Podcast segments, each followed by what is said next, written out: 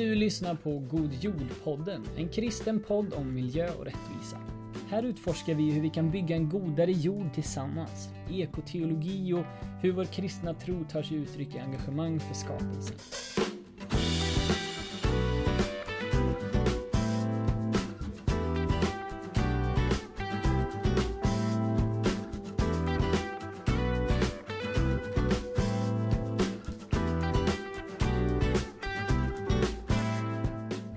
Då ska vi se. Då är det podd igång igen och det är med Karin Olofsdotter den här gången. Välkommen! Tack ska du ha. Eller egentligen kanske det är tvärtom. Vi sitter Ja. ju på din hemmaplan. Precis, så välkommen. Ja, tack så mycket. Vart är vi någonstans? Vi är i Lund, I Lund. i Västerkyrkan, Exakt. som hör till Equmeniakyrkan. Yes. Och det är min arbetsplats på halvtid i alla fall kan man säga, för Mhm. jag är studentpastor här. Halva tiden knuten till den här kyrkan och andra halvan tillsammans med studentprästerna. Just det. Vad innebär det arbetet med student, studentprästerskapet så att säga? Det innebär väldigt mycket samtal med Mm. studenter som inte mår bra. Mm. Det innebär också med studentprästerna en massa eh, proaktiva kurser, eller hur man ska säga, Mm. i stresshantering och suicidprevention Mm. och, och sådär. Och här i Västerkyrkan så innebär det mycket samarbete med vårt studenthem som ligger här och så att hitta på roliga och bra och uppbyggande saker för studenterna Just det. innan de blir så förfärligt ledsna och krossade. Ja, Mm. så bra. Och ni har ju också en, en podd, är det inte så? Jo, vi har en studentpodd. Vi Ja. kallar den för Karins koloni. och hur kommer det sig? Ja, det var min medarbetare Eva som, som tyckte, ska vi inte göra en podd, tyckte hon. Ja, tyckte jag, fast jag aldrig hade hört på en podd i hela mitt Nej. liv. Men, men eh, ja, vi pratar med studenter om högt och lågt. Och det började på din Ja, kolonilott? det började på min kolonilott Ja, i exakt. somras. Därför heter det så. Ja. Ja. ja, det känns bra. Du har poddvana. Kanske, kanske till och med mer än mig. Eh, Så det, det känns bra att, att du, du har det. Eh, Men vi har inte känt varandra eh, jättelänge eh, egentligen. Vi träffades hösten 17, Ja, borde det varit. precis. Ehm, På Centralen i Exakt. Uppsala. Hur... För vi, visst handlade det bara om att vi hade gemensamma vänner. Jag frågade efter folk som, som ville engagera sig i, i god jord på något vis. Ja. Och sen så var det gemensamma bekanta till oss som du hade varit pastor för. Precis. Exakt. Som rekommenderade mig. Ja, Och detta var ju innan vi visste att det skulle heta God jord eller Ja, någonting. visst. Du hade bara en vision om en, en kristen miljörörelse. mhm. Och jag varit jättelycklig. ja verkligen. Ja. Och vi ska komma in på eh, varför det är så. Eh, men men eh, du, eh, du blev väldigt lycklig. Det var väldigt uppmuntrande det mötet kommer jag ihåg. Eh, och eh, du är ju också med i, i styrelsen nu. I Precis. Till och med vice ordförande. Ja. Näst högsta hönset så att säga. Ja, ja, det är underbart. Men eh, jag tänker att vi ska försöka börja från, från början lite grann. Nu, nu vet vi vart du är nu. Du finns i, i Lund och du är, är, eh, studentpräst och så vidare. Men hur, eh, hur började hela den här resan till att sitta som vice ordförande i en kristen miljöorganisation? Mm. Jag, jag funderar på det ibland när jag har varit ute och pratat var det, var det hela började. Och jag är nästan säker på att det började på somrarna hemma hos mormor och morfar Mhm. i en liten by utanför Uppsala. Dit vi åkte och hälsade på och i mitt minne så stannade vi där flera veckor varje sommar. Så, där, så att när man kom var kycklingarna små och gulliga och gula. När man åkte var de sådana här fula tonårskycklingar. Um, och det tar ju några veckor. Mhm.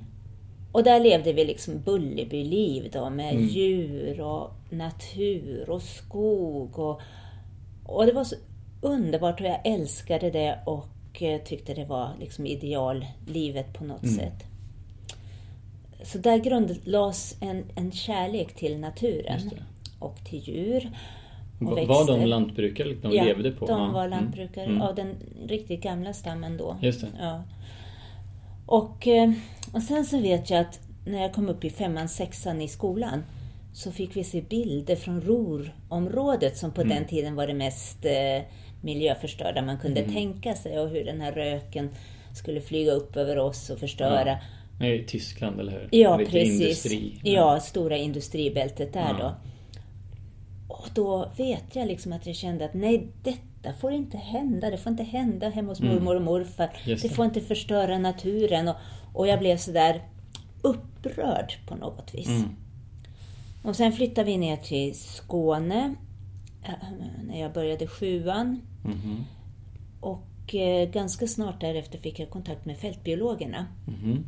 Och det var ju helt naturligt att gå in där eftersom de ville skydda naturen. Så där var jag med och lärde mig och eh, kämpade mot saker. Vi kämpade mot plastförpackningar redan då. Ja. Så där att vi gick in i affärerna och, och, sen, och köpte saker och sen plockade av all plast i kassan och, och lämnade och gick och sådär.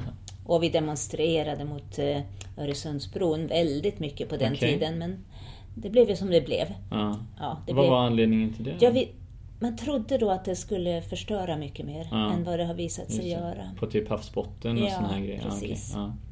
Så.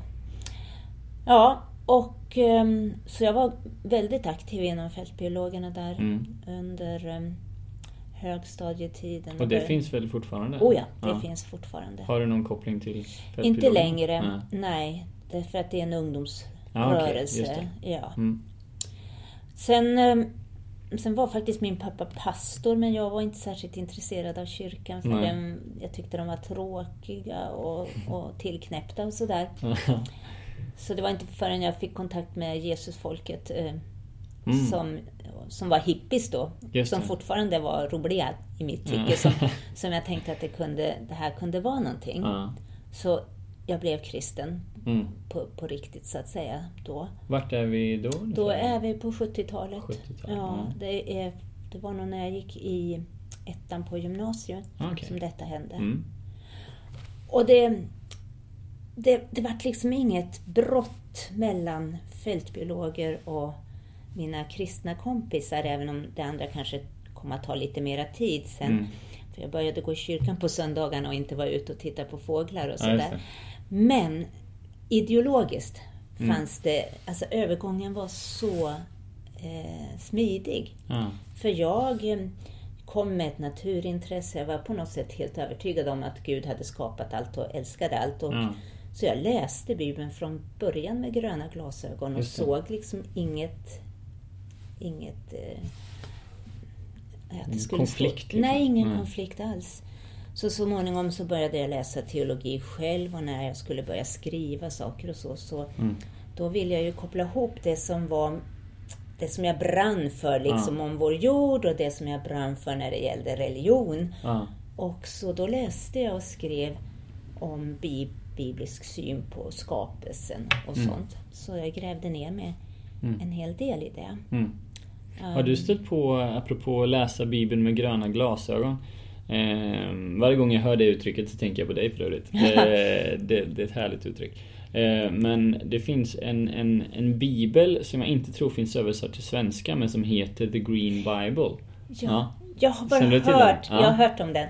Jag har inte sett den än. Jag har faktiskt köpt den till min lilla mm, läsplatta så jag har den i digital form. Ehm, jättehäftigt. Det är alltså ehm, Det har blivit ganska trendigt, eller, eller, eller var åtminstone väldigt populärt ett tag, att man har såna här biblar där, där Jesu ord är, eh, är, är röd text. Ja, Och det här är en, en liknande initiativ då men man, man stryker under eh, det som ganska direkt eller som väldigt tydligt talar om såna här frågor som ja, men Guds relation till skapelsen och, och vårt liksom, ansvar för eh, naturen och, och, så vidare. Eh, och, och liksom Guds kärlek till eh, ja, men allt från träd till djur och så Ja. vidare. Eh, Så jag har funderat på, jag jag har följt en bibelläsningsplan här nu där jag eh, läst bibeln på ett år och en del av mig blir sugen på att, att göra, bara börja om igen men läsa den här gröna. Grönt. Eh, Det hade varit jättespännande. jätteroligt. Ja. Det är ett jättebra initiativ för att Ja. Väldigt många kristna lever ju i en vanföreställning om att Bibeln inte har någonting att säga om de här sakerna Mm. Och att Gud älskar människan och det andra är liksom en kuliss liksom för Mm. vårt liv. Mm. Ehm, och det är ju en väldigt okristen, obiblisk föreställning. Men hur kommer det sig? Det kommer, eh, det kommer sig från eh, det gamla grekiska tänkandet där man gjorde skillnad på den goda guden och den onda skapelsen eller så. Är det det som kallas gnosticism? Nej? Ja, delvis är det väl det. Delvis, ja. ja. Men, Eh, Men för, och det var väldigt utbrett och vissa saker i, i kristendomen lånar sig lite till ett sånt här tveeggat eh, tänkande då. mm, Så att eh, de flesta, eller jättemånga kristna har tänkt liksom att den här jorden den ska gå under, vi behöver inte bry oss om den. Det ska komma en ny himmel, en ny jord och Jesus är intresserad av våra själar och inte av... mm. Så det, Och- naturen, det Ja. kroppsliga, allt sånt har man sett ner på då. Just det. Men det är verkligen inte ett judiskt kristet synsätt, så att det är ett helt annat synsätt som har kommit in. Hur, hur, eh, hur, hur borde man se på de här grejerna som du tog upp nu då? Varför är det inte så att... För att jag har ju hört det ganska mycket och jag tror att kanske jag har varit del av en, en av de traditioner i, i Sverige, liksom i någon sorts eh, pingstkarismatisk rörelse, där, där de här grejerna så att säga lever kvar mest kanske. Ja. Just det här att eh, ja, vi ska rädda själar och inte sälar som någon Ja. uttryckte det och att, att att Ja. eh, ja men jorden ska snart gå under så att vi måste Mm. liksom Evangelisation är det vi ska sikta in oss på och resten kan vi i princip eh, ja, Ja, eh, ja, prioritera ner åtminstone. Ja eh, alltså, en anledning tänker jag är att i Nya Testamentet så är inte det perspektivet med, med skapelsen så starkt. Mm. Mindre gröna understrykningar där tror Ja, jag. okej. Mm. Eh, och de flesta kristna och särskilt eh, evangeliska kristna på något sätt läser Nya Testamentet med stor entusiasm. Ja. Ser lite ner på Gamla Testamentet. Mm. Men för att förstå Nya Testamentet, förstå, för att förstå Jesus, för att ha den fulla uppenbarelsen så måste man ta in Gamla Testamentet Mm. också. Och där, på första bladet i Bibeln, så är det väldigt tydligt uttryckt Mm. vår ställning i skapelsen. Mm. Att vi är bara Guds medarbetare, att vi har ett uppdrag att ta hand om det här. Mm. Och det är så tydligt så jag inte kan förstå ens en gång att folk inte Nej. ser det. Men det är besvärligt också därför att det, det tar på egot. Mm. Och det tar på det här att få göra precis som man vill och ha hur mycket man vill och inte bry sig om andra. Så det Mm. är ett, eh, ett besvärligt uppdrag på det Ja. viset.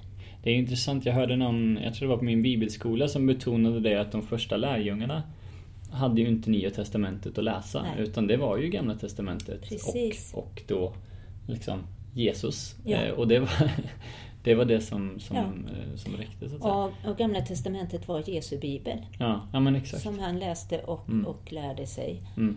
Så att det är väldigt viktigt och ehm, man kan inte bara, man klarar sig inte på bara Nya Testamentet Mm. tänker jag. Vi har en dubbel uppenbarelse på det viset.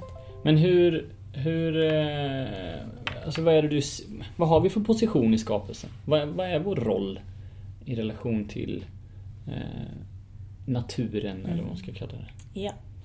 Ehm, Jag tror det är lite svårt att, att fatta sig kort. Ja. Men väldigt enkelt intryck så, uttryckt så tänker jag att vi är skapade tillsammans med den andra skapelsen. Mm. Och vi står inte i något hierarkiskt förhållande till Gud, det tror jag inte.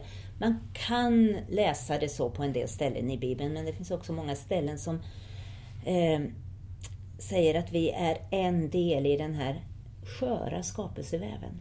Och det här var jätteintressant för mig som kom från fältbiologerna, Mm. att se att, att, att det finns ett sorts ekologiskt perspektiv i, i de här texterna. Mm. Att det man gör på något ställe får återverkningar runt om i hela skapelsen. Mm. Och att man i Bibeln har fattat att människan kanske inte är det förnämaste, men Mm. dock det farligaste i Mm. skapelsen. Att vad vi gör eh, får återverkningar överallt. Hur ska man då förstå liksom, alltså typ bibelord som pratar om eh, människan som skapelsens krona och såna här Mm. saker? Alltså hur Alltså, relaterar du till det? ja, det kan vara detta med positionen då. Mm.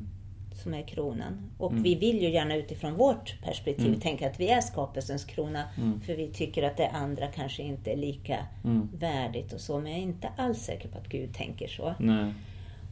Det står i första Mosebokens första kapitel, när människan får sin uppgift att hon ska härska, och lägga under sig och så vidare. Mm. Men, eh, och då tar vi ju gärna det som att vi ska härska på någon sorts eh, förödande och nedtryckande sätt. Liksom, Mm. Och så ska vi sitta där uppe och gotta oss. Ja. Och det är inte alls den typen för att eh, det där verbet det används annars om den gode kungen som upprätthåller. Guds shalom. Mm. Och det är ju ett helt annat sätt. Då Ja. gäller det att uppehålla Guds skapelse i så fin och god som den Just är. Och absolut inte att förstöra eller förtrycka. Mm. Och det är likadant i det andra kapitlet när människan får uppgiften att bruka och bevara som det stod Mm. i gamla översättningarna. Så att, likadant på bägge ställena. Att med ena handen säger Gud, varsågoda, använd er potential, er Mm. kreativitet och så Just vidare. Och så vidare. Men det kommer en, vad ska man säga, ett varningstecken. Men inte in absurdum. Ja. Ni måste också tänka på att det ska hålla, Mm. att det ska vara min vilja som råder och sådär. Mm. Och så tänker jag att de, de flesta som har läst det där, de har sett det där, varsågoda. Ja. Men inte tänka efter, var försiktiga, ta hand om också. Just det. Och det, jag tycker det är jättespännande för att Mm.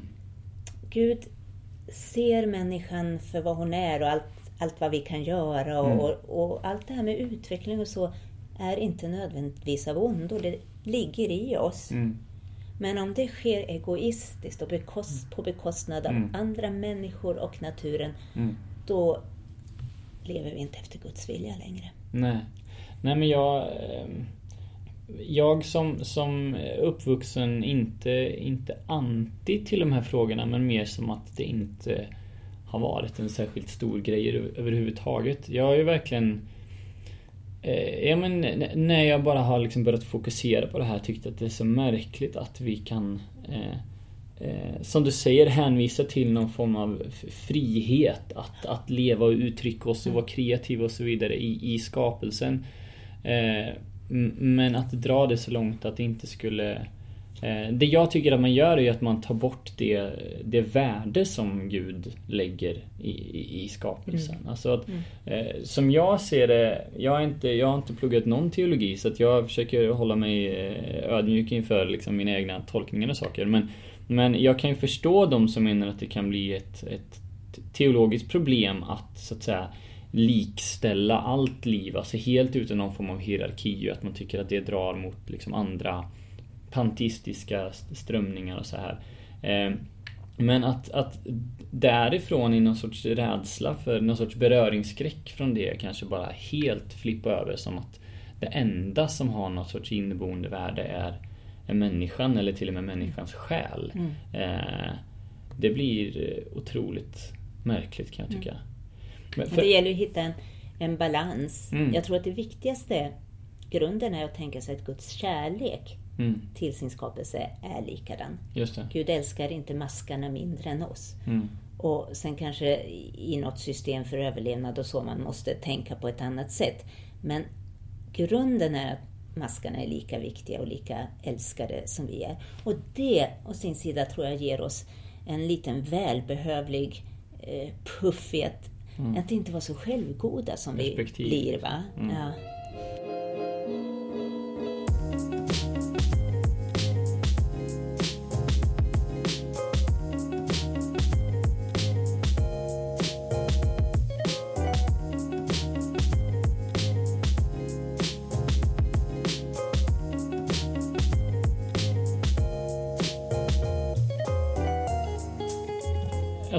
Det finns ju bibelord som pratar om att ja men är inte ni värda ack så mycket mer än Mm. eh, alla sparvar eller, eller vad det Mm.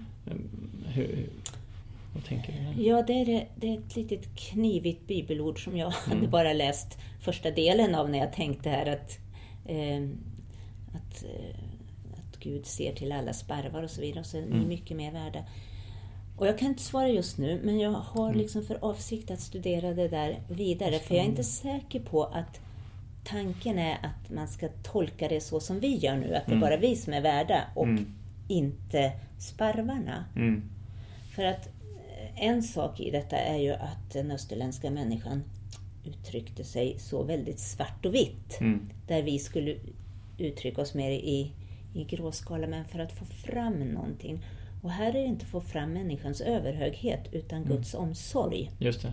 Och då blir de det en helt ja. annan sak. För i de här ställena så är det ju också mycket att det här att Ja men se på eh, liljorna på Ja. fälten och liksom Ja. vad vackra de är och. Gud förser och att vi inte ska oroa oss på samma sätt som Precis. övriga skapelsen. Det är väldigt eh, spännande. Så det handlar inte om att vi är högre och viktigare, utan Mm. att vi skulle kunna slappna av mer och, och Mm. vila i Gud Mm. och Guds omsorg. Men en annan då sån här viktig som vi redan har tangerat vid ett par gånger. Det är den här tanken om att, att, eh, att det kommer bli ett totalt slut. Man tänker sig någon form av kanske jorden sprängs eller liknande. Det är ungefär så jag har visualiserat det. Och så kommer det en ny jord som bara är så här spot on igen.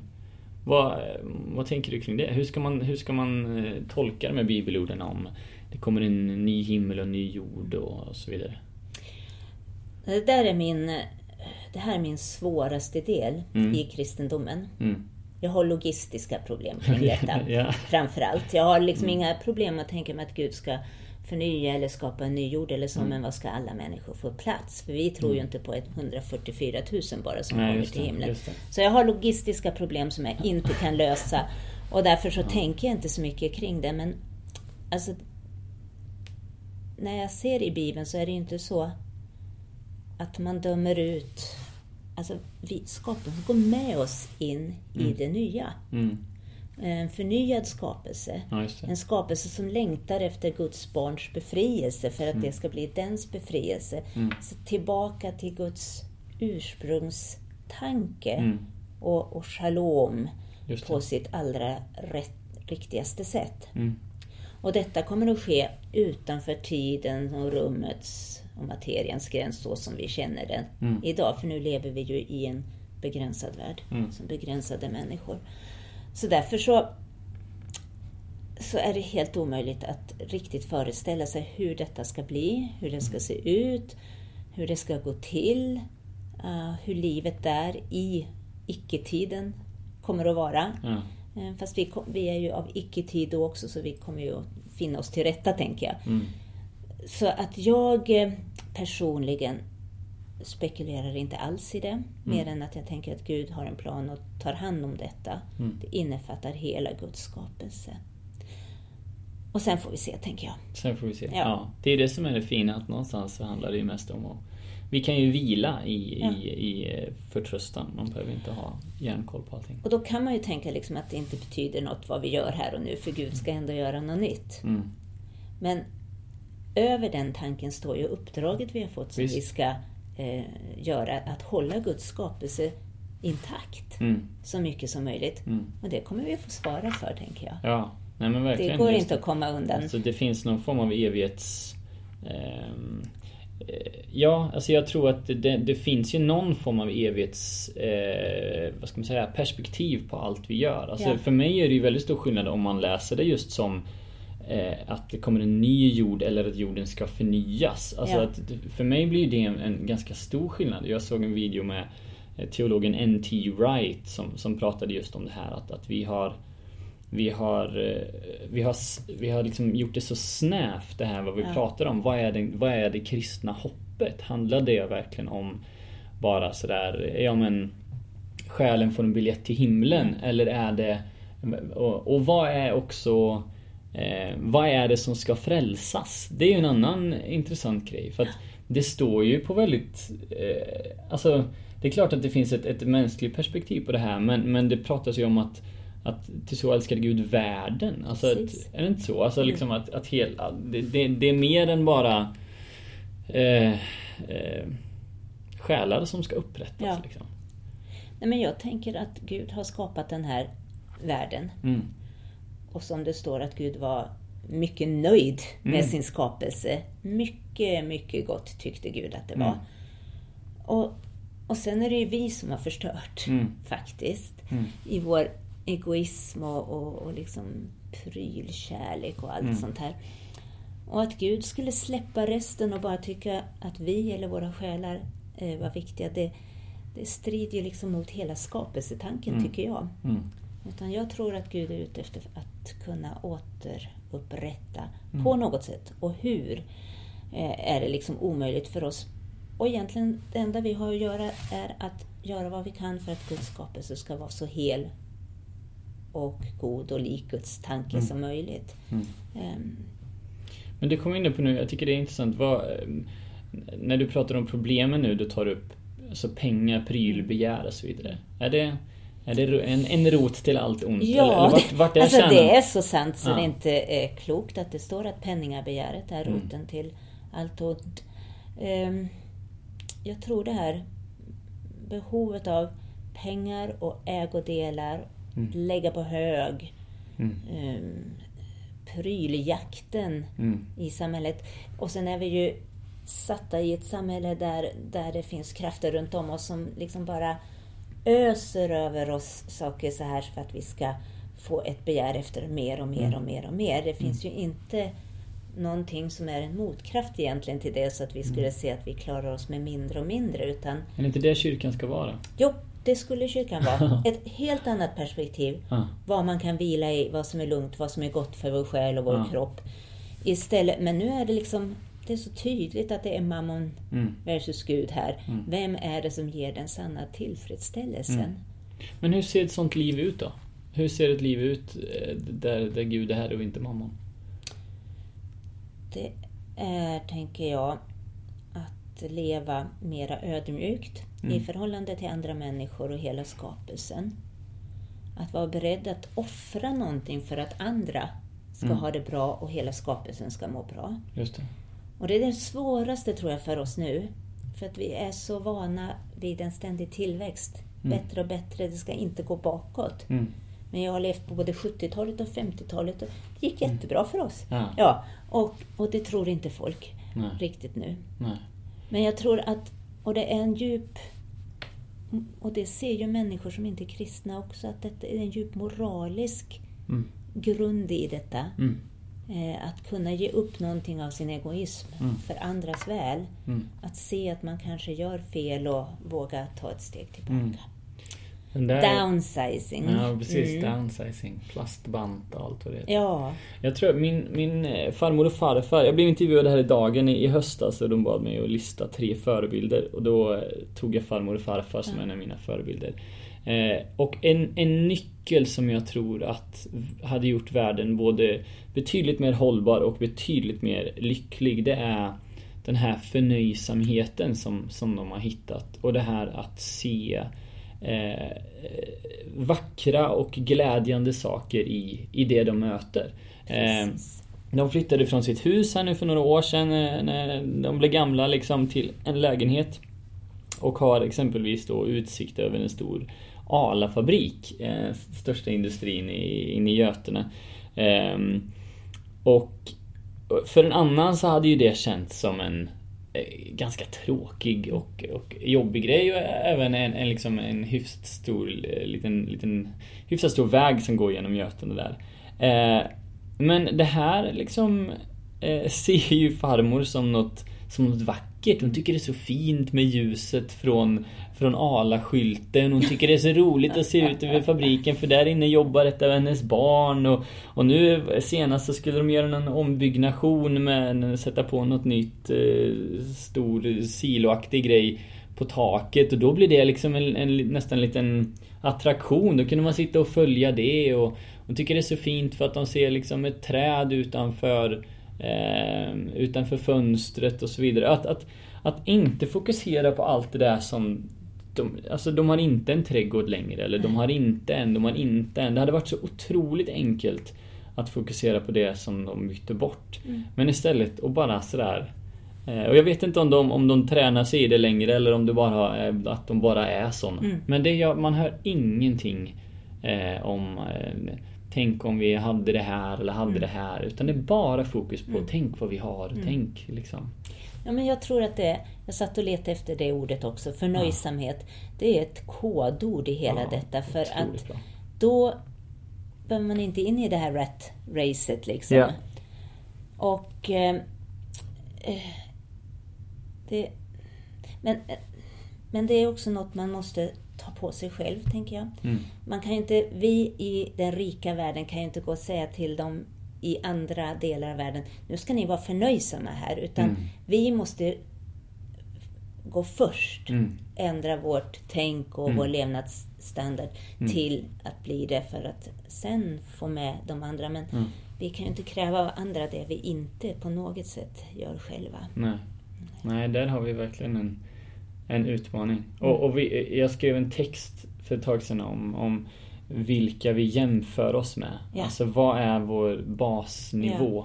Eh, det hade varit så intressant att, att inte ha liksom basnivå att ens jämföra sig med, med nutida svenskar. För då, då kan ju alla här eh, klaga på något vis, Ja. eller på att säga. Men, men bara att jämföra som du sa med ens föräldrar eller ens Mm. farföräldrar. Farmor och farfar igen, de fick, de fick eh, fem barn på fyra år och två månader, två tvillingpar. Eh, och farfar var ju liksom då den enda som, som kunde arbeta och så Ja. vidare. Det var inte, då fick man eh, så här mycket mat har vi råd med ungefär det här Ja. klarar vi oss på. Och, och, och de har själv sagt det att ja, vi hade inte så mycket men det var ingen som, det var ingen synd om oss ungefär. Vi, vi hade det bra. Ehm, men alltså jämföra med någon globalt. Om vi skulle jämföra med snittvärldsmedborgaren. Eller jämföra med den The bottom billion som man pratar om inom Precis. akademin. Den sista Ja, miljarden liksom som, som, där det faktiskt till och med blir sämre nu. Mm. Eh, precis. Det stod det här om dagen i Mm. tidningen. exakt. Nej, men, eh, det är ju det här de pratar om hur många jordklot Mm. vi skulle behöva för att Mm. upprätthålla vår levnadsstandard. Och, Mm. och eh, då ligger det ju vid fyra eller någonting Mm, för oss 4,2. svenskar. Mm. Ja, och det är förfärligt. Mm. Eh, och man kan se man kan ju faktiskt gå in och göra sådana här tester och se vad kan Mm. man göra och hur Mm. mycket kan man komma ner till Ja. om man ändrar sitt, sin livsstil.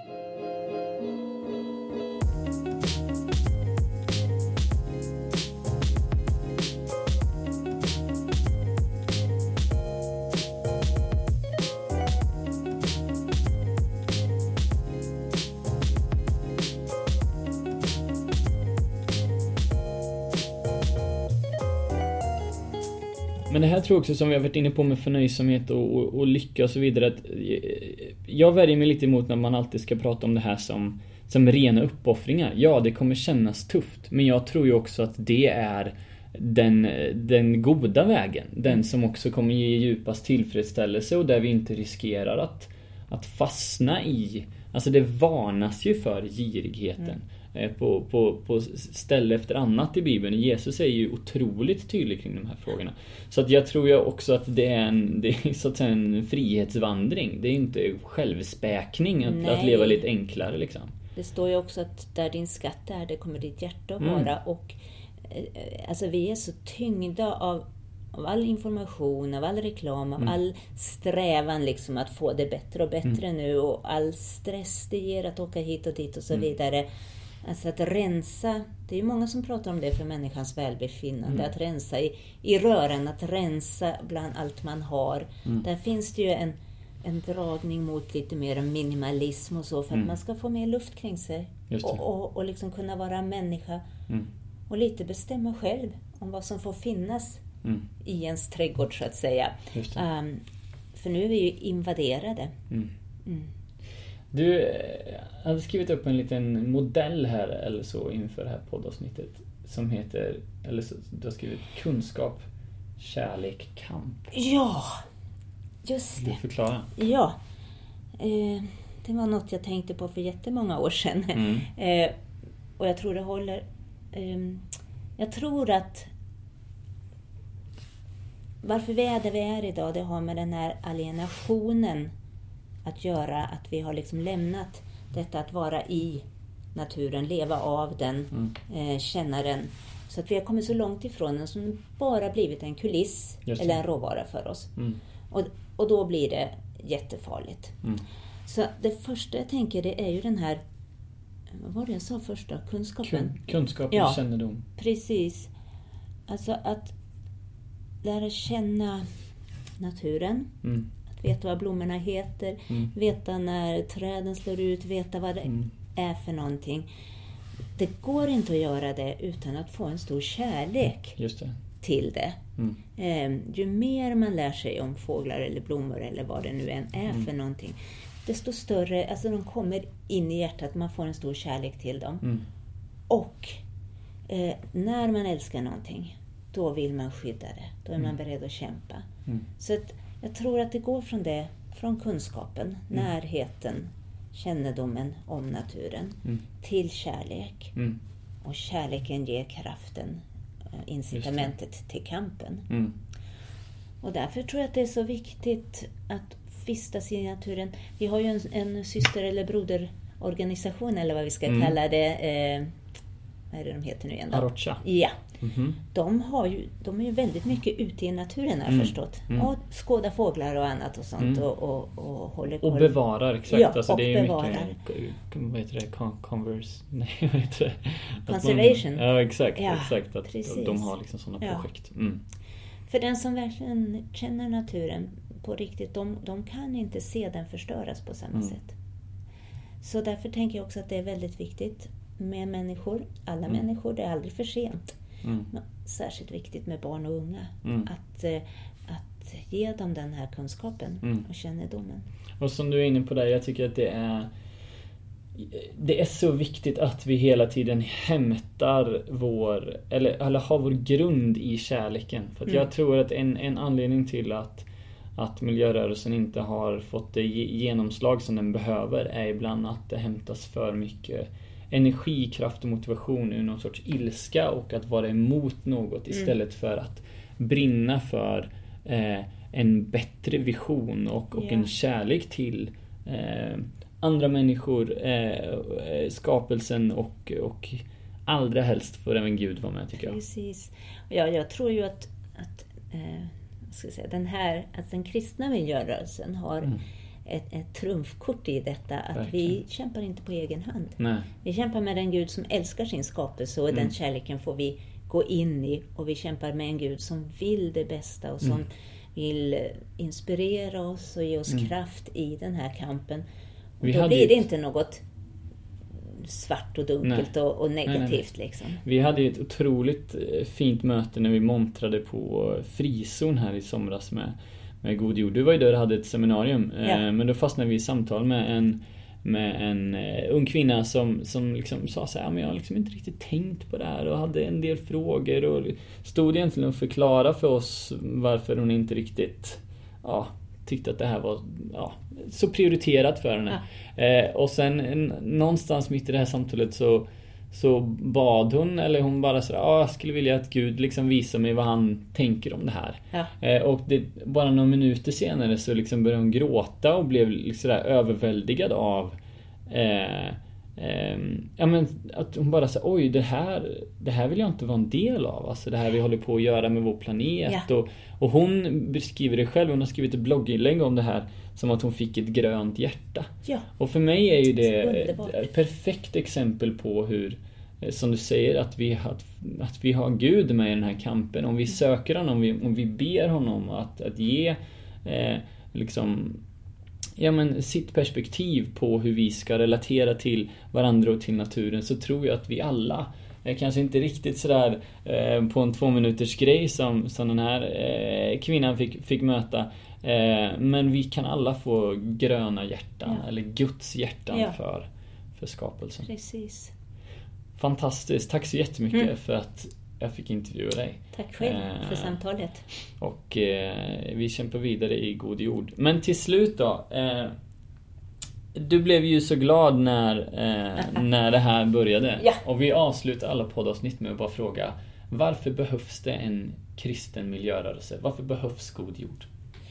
Det behövs därför att, att vi har den här traditionen med att det kanske inte är så viktigt Mm. med, med jorden och miljön. Mm. Och, eh, men jag ser alltså hur den unga generationen inte köper det längre. För Mm. man är så otroligt medveten om att det håller på att gå åt skogen och att Mm. vi måste göra något annat.